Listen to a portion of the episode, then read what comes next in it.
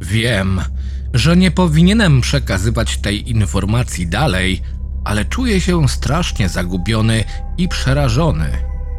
Jestem pieprzonym szeryfem już od 15 lat, a nigdy dotąd nie spotkałem się z czymś tak strasznym. Dzisiaj o świcie odebrałem telefon. Było w nim coś tajemniczego. Nasze miasteczko jest małe. Posterunek składa się jedynie z sekretarki i pięciu funkcjonariuszy.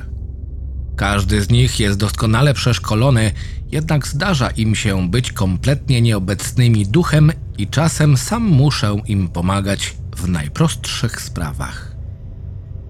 Z początku nie rozpoznałem mojego rozmówcy, jednak po chwili okazało się, że to krewna jednego z naszych funkcjonariuszy. Wczoraj dwóch z nich, żeby zachować anonimowość, będę nazywać ich porucznik Tyler oraz porucznik Harris. Wybrało się z rodzinami na rejs łodzią Tylera. Zgodnie z tym, co powiedziała kobieta, nie pojawili się na brzegu z powrotem. Jezioro, nad które się wybrali, znajduje się na krańcu naszego miasteczka.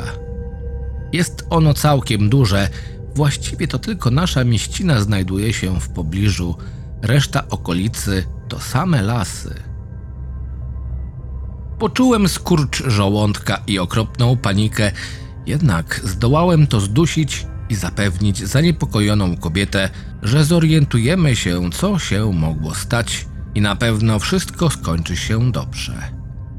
Gdy tylko to powiedziałem, usłyszałem westchnienie ulgi i pospieszne do widzenia, a potem głuchą ciszę w słuchawce. Odłożyłem ją i dźwignąłem swój tyłek z łóżka. Moja żona powierciła się chwilkę, ale szybko wróciła do cichego chrapania. Gdy przyjechałem na posterunek, trzech pozostałych funkcjonariuszy kręciło się nerwowo wokół głównego biurka.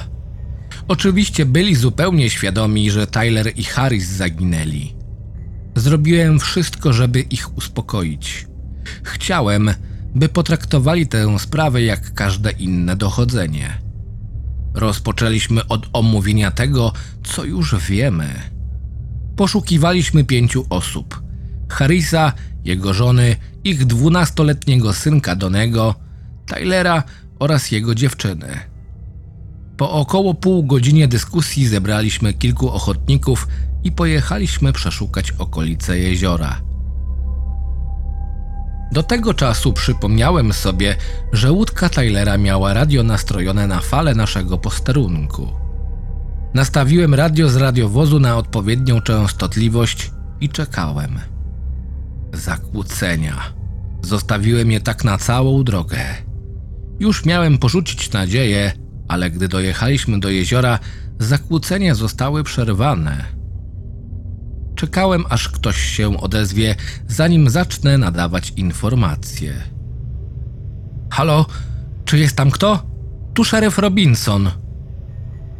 Cisza.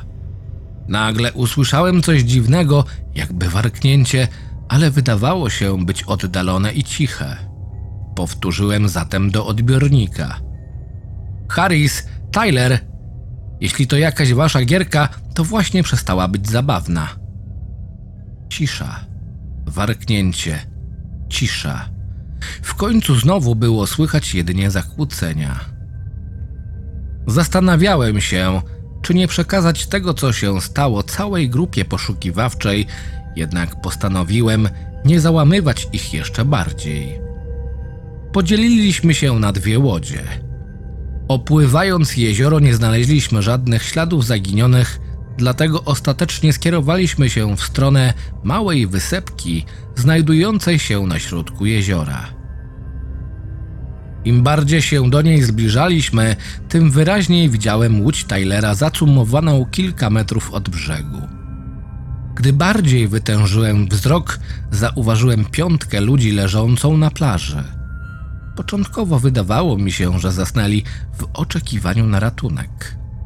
Niestety, kiedy dopłynęliśmy do brzegu, byłem już pewny, że nie śpią. Przeciągnąłem łódkę tak blisko jak tylko mogłem, wyłączyłem silnik i przykazałem pozostałej trójce pozostać w łodzi. Wyskoczyłem bezpośrednio na trawę, a moje stopy zanurzyły się w niej. Uważnie podszedłem do ciał. Pierwszą rzeczą, jaką zauważyłem, było to, że kilku fragmentów ciał brakowało. Bez wątpienia byli to jednak Taylor i Harris wraz z rodzinami. To, co widziałem, przypominało rzeź. W mojej piętnastoletniej karierze nie widziałem nic tak obrzydliwego. Z szacunku dla rodzin ofiar daruję sobie szczegóły. Powiem tylko, że czułem się, jakbym był w najgorszym horrorze, jaki można sobie wyobrazić. Gdy usłyszałem odgłosy wymiotów jednego z ochotników pomagających w poszukiwaniach siedzącego w łódce, postanowiłem zabrać ich z powrotem na wybrzeże, a potem wrócić po ciała. Przysięgam, nie było nas może 15 minut. Gdy wróciliśmy, wszystko wyglądało o wiele gorzej. Świeże plamy krwi wyciekały z ran, których wcześniej w ogóle nie było. Co więcej, były to wyraźne ślady ugryzień. Kiedy zaczęliśmy ruszać ciała, jeden z funkcjonariuszy zauważył, że dwunastoletni Dony oddycha. Rozpoczęła się walka z czasem. Chłopiec został przewieziony do szpitala, a ja czekałem na posterunku na koronera z pobliskiego miasta.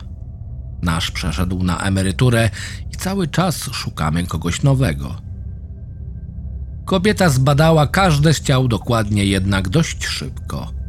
Jej twarz była niesamowicie blada, kiedy oznajmiła, że skończyła swoją pracę. Szeryfie, nie spodoba się to panu. No cóż, ślady ugryzień są ludzkie, ale jest coś jeszcze. Poczułem pot na skroniach. Ludzkie? Co do ku... Ona na pewno się myli.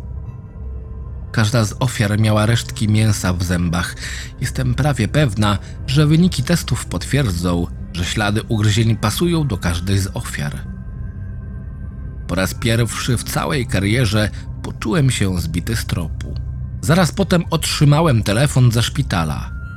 Chłopiec zmarł minutę po przyjeździe. Zapytali, czy mają przesłać jego ciało karetką. Zgodziłem się. Koroner tylko pobieżnie obejrzał zwłoki, jednak to wystarczyło, by potwierdzić ślady mięsa w ustach. Koroner zalecił, by wezwać FBI oraz CDC. Od tamtego momentu siedzę przy biurku i czuję, jakby miał stracić umysł. Zadzwoniłem jakąś godzinę temu, obie organizacje potwierdziły wysłanie swoich przedstawicieli.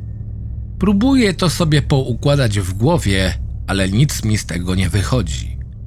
W ich łódce znalazłem jeszcze spore zapasy żywności. Co skłoniło grupę normalnych ludzi, którzy zaginęli krócej niż dzień temu, do zjedzenia siebie nawzajem.